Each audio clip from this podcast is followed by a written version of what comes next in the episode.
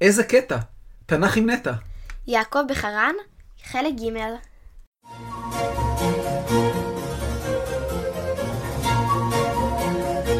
איזה קטע!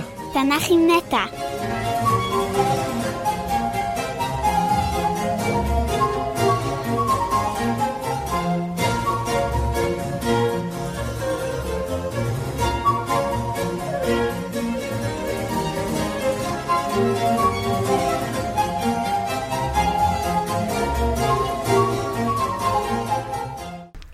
שלום נטע, מה שלומך יפתי? טוב, תודה. אבא, מה שלומך? אני בסדר. שנמשיך עם יעקב וסיפורי המשפחה שלו? בשמחה. היום אנחנו בספר בראשית פרק ל', פרק מורכב ורווי עצב. עצב? מה קרה? עצוב לי לפחות. רחל סובלת, לאה סובלת, ובואי נקרא. ותרא רחל כי לא ילדה ליעקב, ותקנא רחל באחותה. ותאמר אל יעקב, הבה לי בנים, ואם אין, מתה אנוכי. רחל ראתה שהיא, בניגוד לאחותה, לא ילדה ליעקב אפילו ילד אחד, אז היא קנאה באחותה. היא באה ליעקב בדרישה, הבה לי בנים. כלומר, תן לי בנים. ואם אין בנים, היא מתה. מה, היא תמות?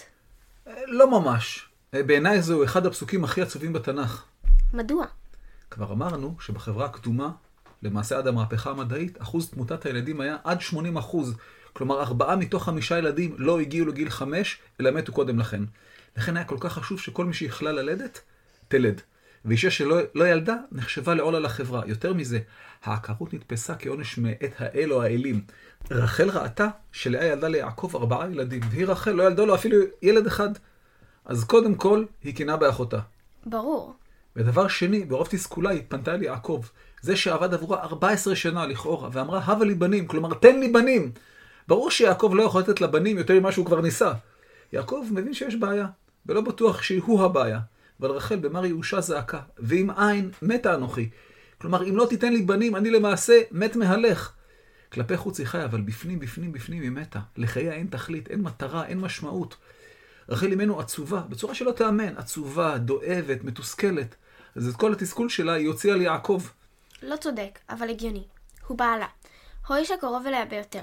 הוא האיש שיחד איתו היא צריכה להביא ילדים לעולם. אמת.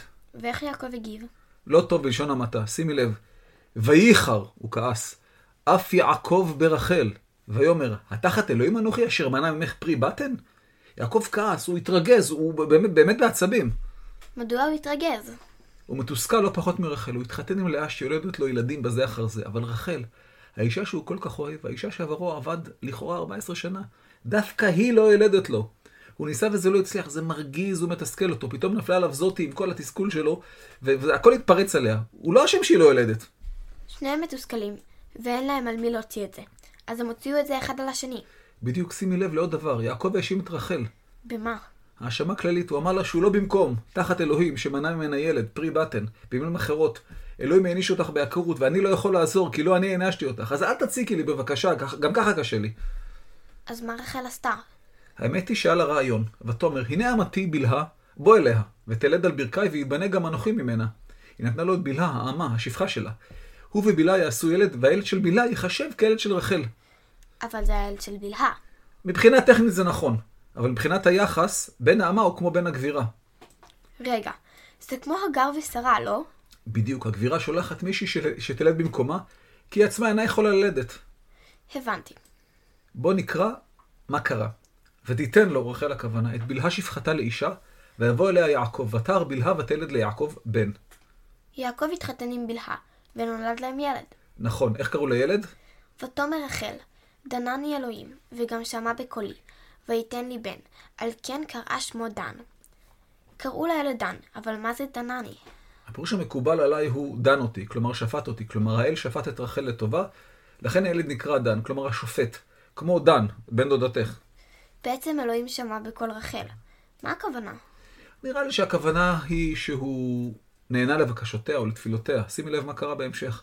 ותר עוד, עוד זה בלהה, אה, בלהה הכוונה, שפרת רחל, בן שני ליעקב, ותאמר, ותאמר רחל, נפתולי אלוהים נפתלתי עם אחותי, וגם יכולתי, ותקרא שמו נפתלי. נולד עוד בן, ואיך קראו לו? מה מקור השם? קראו לו נפתלי, אבל לא כל כך הבנתי מה מקור השם. היא נפתלה עם אחותה, כלומר נאבקה עם אחותה. יש פה עוד תחרות בין האחיות. אחות שנואה אך ולדנית, שיולדת הרבה, ואחות אהובה אך עקרה. יש פה צוהר לנפש של רחל. רגע, כמו עם לאה. גם פה השמות נותנים חצצה על הנפש. נכון, אם שמות ילדי לאה מסמלים את מצבה מול יעקב, במקרה הזה שמות ילדי בלהה מסמלים את מצב רחל מול אלוהים ומול אחותה. אם הבנתי נכון, יש פה תחרות בין האחיות, לא?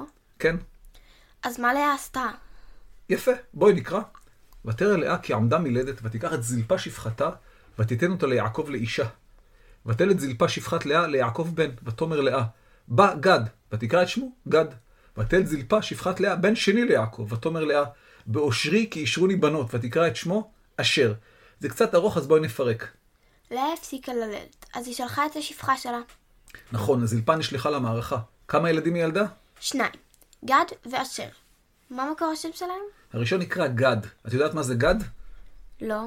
גד משמעו מזל. כמו חיש גד? בדיוק, חיש גד משמעו מזל מהיר. כלומר, מבחינת לאה הגיע המזל? בדיוק, והשני כי אישרו אותה הבנות, שמחו אותה, אז הוא נקרא אשר. הבנתי. והנה עוברים לסיפור חדש שקשור למאבק בין האחיות. שימי לב מה כתוב. וילך ראובן בימי קציר חיטים, וימצא דודאים בשדה. ויבא אותם אליה אמו, ותאמר רחל ללאה, תני נא לי מדודאי בנך, ותאמר לה, המעט תכת אישי ולקחת גם את דודאי בני? ותאמר רחל, לכן נשכב עמך הלילה, תחת דודאי בנך. זה סיפור מעניין. ראובן הלך בימי קציר חיטים? קציר חיטים. זה בסמיכות, אוקיי. זה סביב אזור חג שבועות, לא? כן, ראובן, הבן הבכור, הלך בשדה ומצא צמח דודאים. כל הזמן אתה אומר לי שאין שום דבר מיותר בסיפור. מדוע חשוב שהוא מצא דודאים? כי הדודאים נחשבו כתרופה לעקרות או משהו כזה. כלומר, יש פה משהו שיכול לשנות את העלילה. ראובן הביא את הדודאים אל לאה, אימא שלו. רחל ביקשה את הדודאים מלאה, נכון, רחל חשבה להיעזר בדודאים. אולי כדי להיכנס להיריון או משהו כזה. אבל לאה לא מתלהבת. נכון, לאה ורחל בתחרות. אז שהיא, אז שהיא תעזור למתחרה שלה? אז מה רחל עשתה? היא, רחל הציעה ללאה עסקה. לאה תיתן לרחל דודאים, בתמורה רחל תוותר על תורה לישון עם יעקב. החלפות. והנה יעקב שב הביתה מהשדה, ככתוב, ויבוא יעקב מן השדה בערב, ותצא לקראתו, ותאמר, אליי תבוא, כי סחור שכרתיך בדודאי בני, וישכב עמה בלילה הוא. לאה חיכתה ליעקב, ואיך שהוא הגיע, היא אמרה לו, הלילה אתה איתי. נראה לי שזו עסקה טובה לשני הצדדים, לא? כן, בואי נראה מה קרה.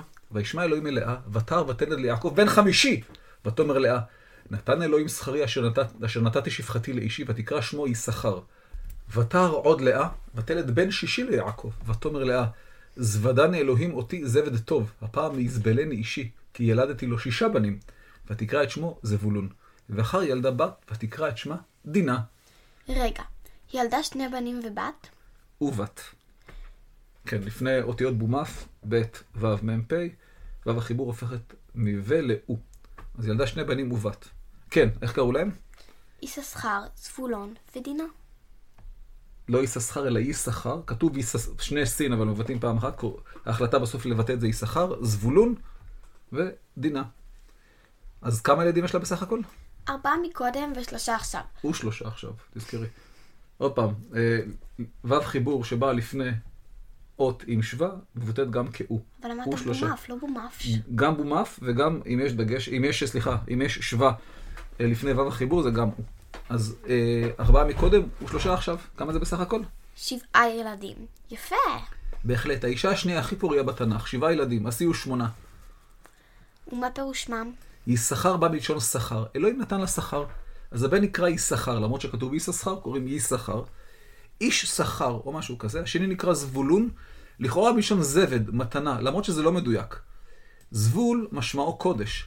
אז זבולון זה הקדוש או משהו כזה, ובסוף דינה. כמו דודה דינה.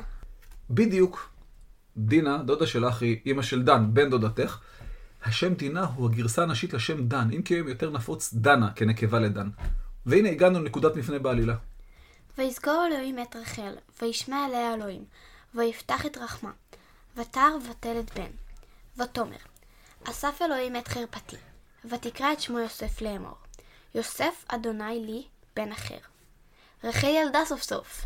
בדיוק, אלוהים זכר את רחל ופתח את רחמה. היא הרתה וילדה בן בשם יוסף. שימי לב שיש שני מדרשי שם, כלומר שני הסברים מדוע הבן נקרא יוסף. אסף אלוהים את חרפתי. אלוהים אסף את הבושה. הזכרנו שאישה ללא ילדים זו בושה איומה. אז עכשיו, הבושה נעלמה. נכון. וההסבר השני? שאלוהים יוסיף לה בן אחר. נכון. יש שני מדרשי שם. מה נכון?